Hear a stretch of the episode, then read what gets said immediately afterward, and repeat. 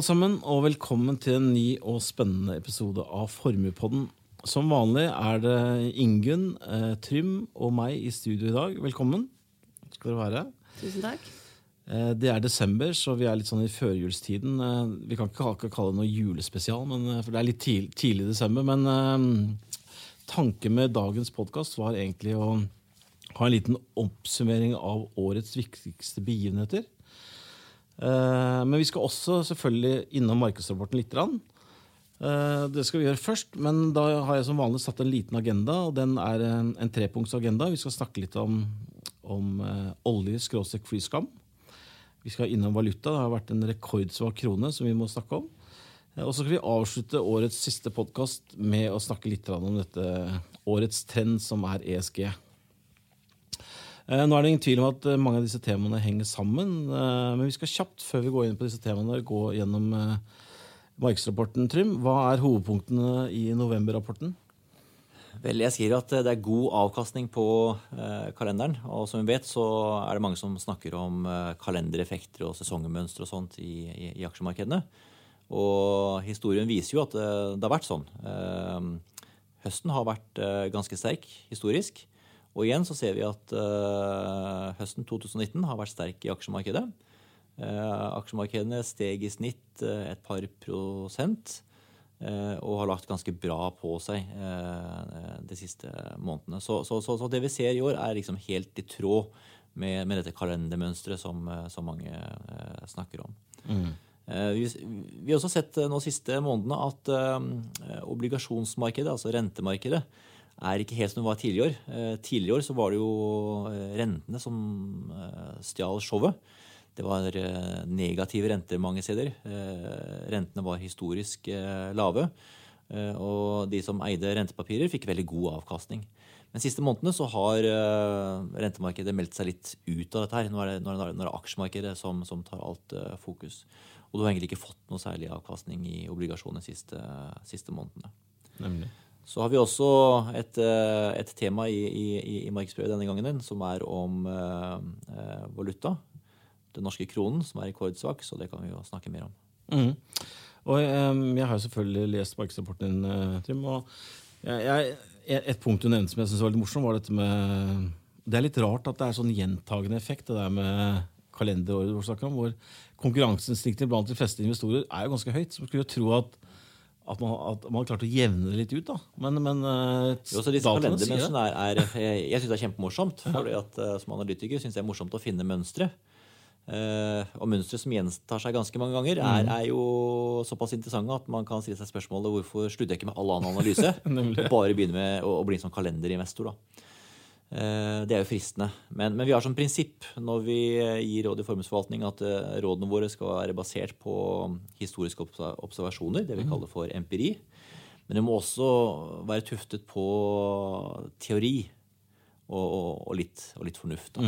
Og den teoretiske forankringen her, altså den teoretiske forklaringen for hvorfor det skulle være sånn at markedet alltid stiger før jul, eller i, i, i de siste månedene i året, den, den teoretiske forklaringen på det eh, uteblir.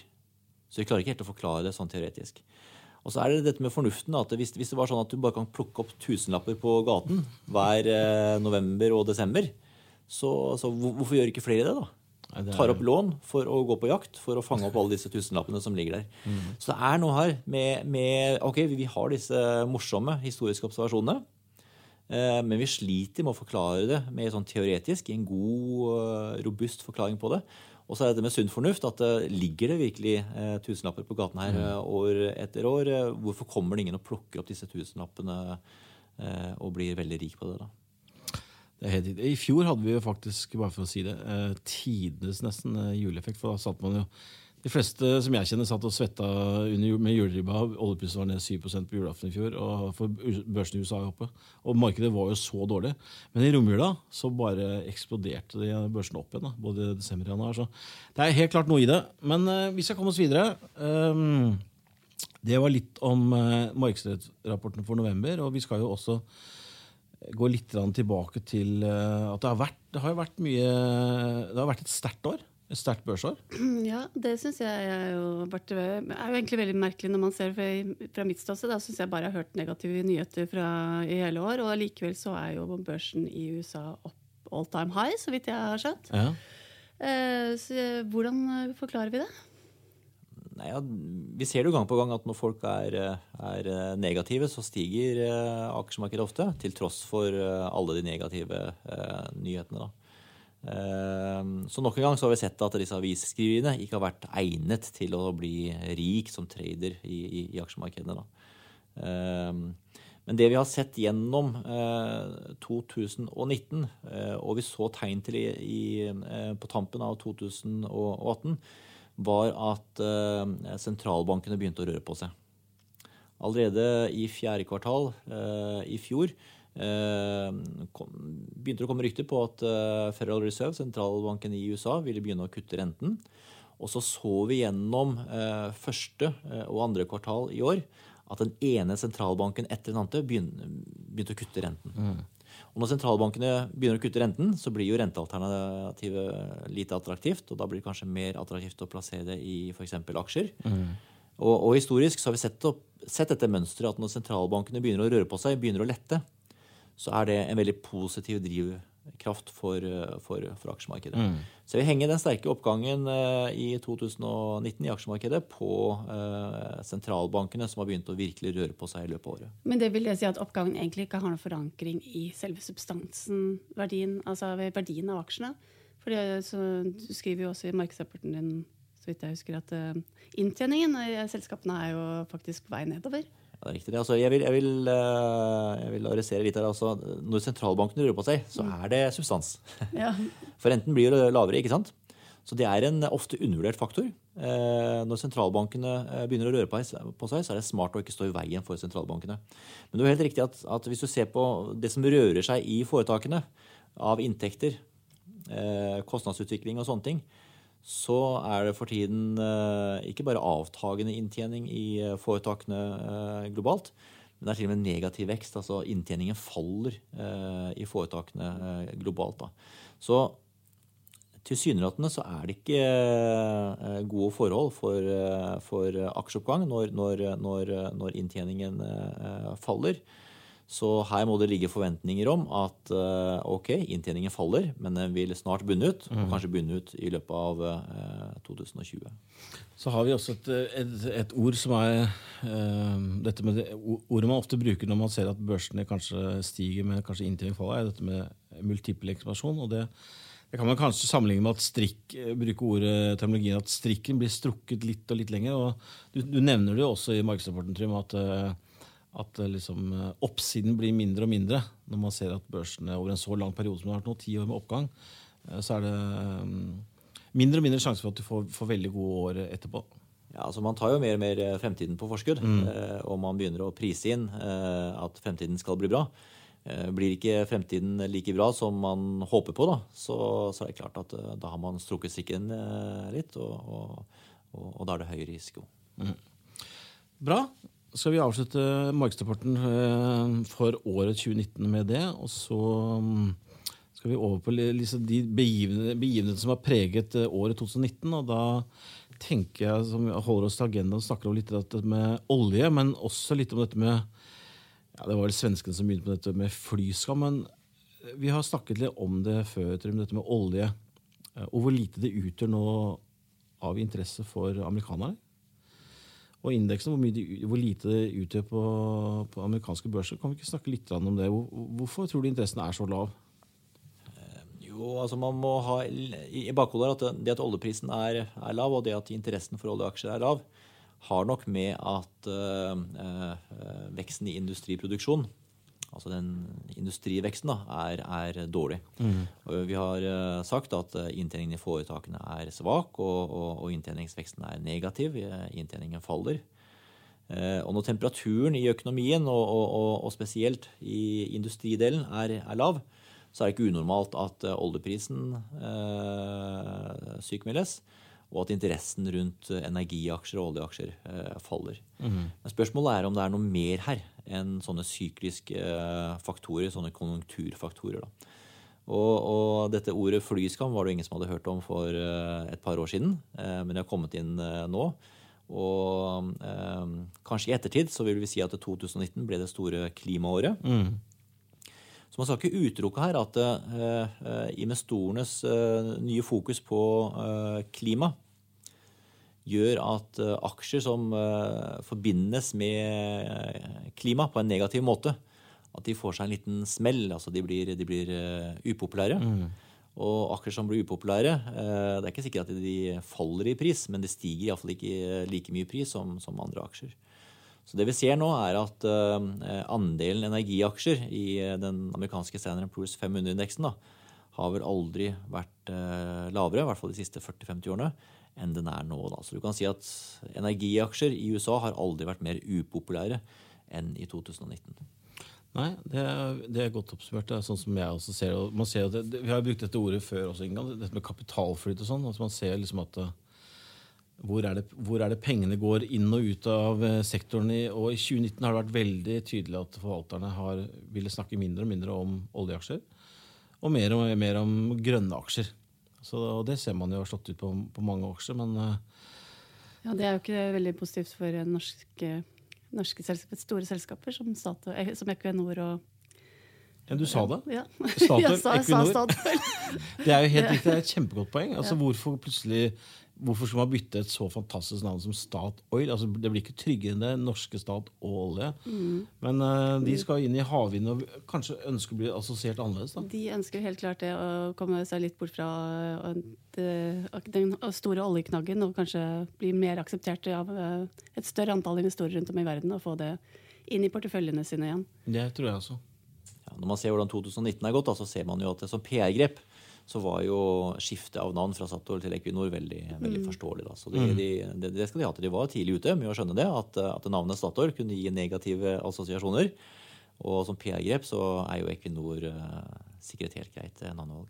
Ja, helt, det er jeg enig med. Sånn, sånn sett i speilet. For når det kom, så var det sånn Equinor altså, Jeg skjønte ikke det. Men det kommer tydeligere og tydeligere fram at de var kanskje litt uh, i forkant der, ja. Det, da tenkte jeg vi skal hoppe videre. Vi skal over på um, kanskje det som har overrasket mest, det er jo den svake norske kronen. Og det som er litt morsomt, det er at det er jo stikk i strid med hva alle ekspertene har spådd. Jeg tror nesten ikke jeg har sett noen som har spådd at den kronen skulle være så svak den skulle være.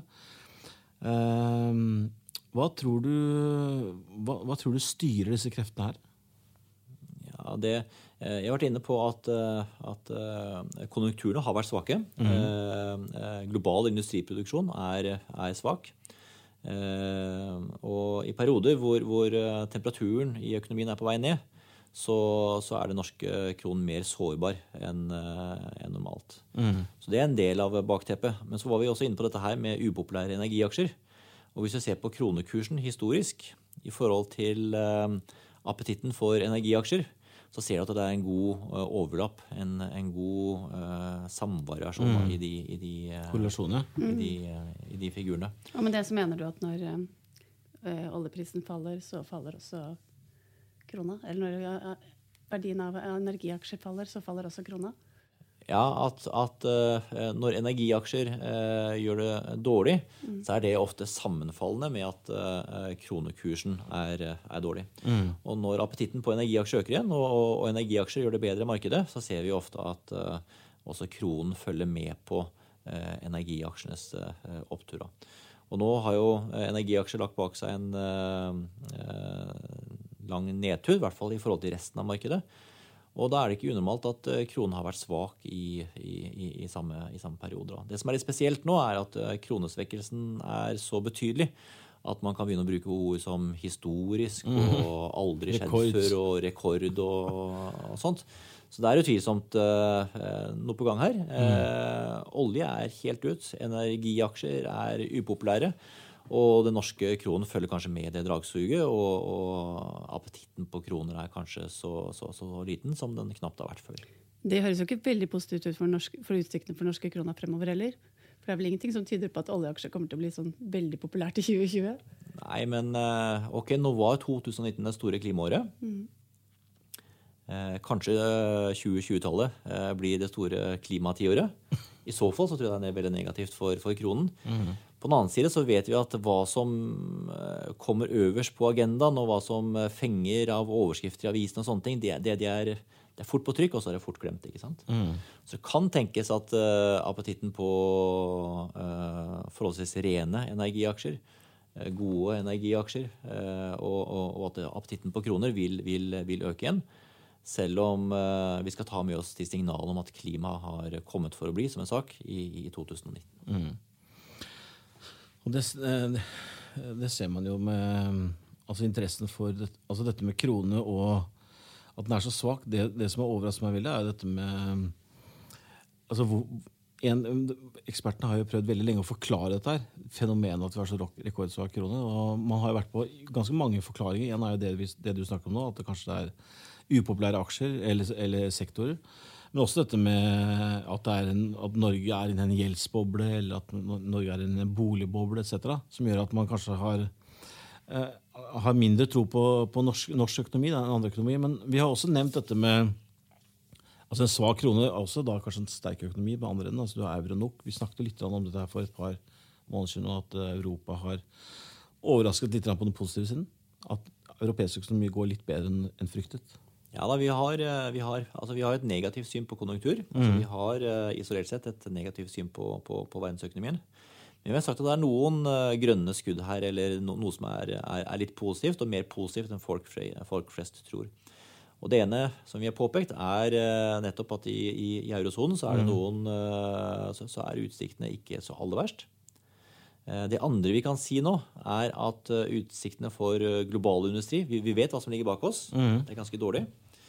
Men eh, utsiktene for global industri ser ut til å ha blitt litt bedre. Nesten uten at noen har lagt uh, merke til det. For nå har alle blitt veldig negative på global industri. Mm. Men det er noen signaler her, fremoverskuende signaler, om at også global industriproduksjon uh, kan bli noe bedre i månedene som kommer.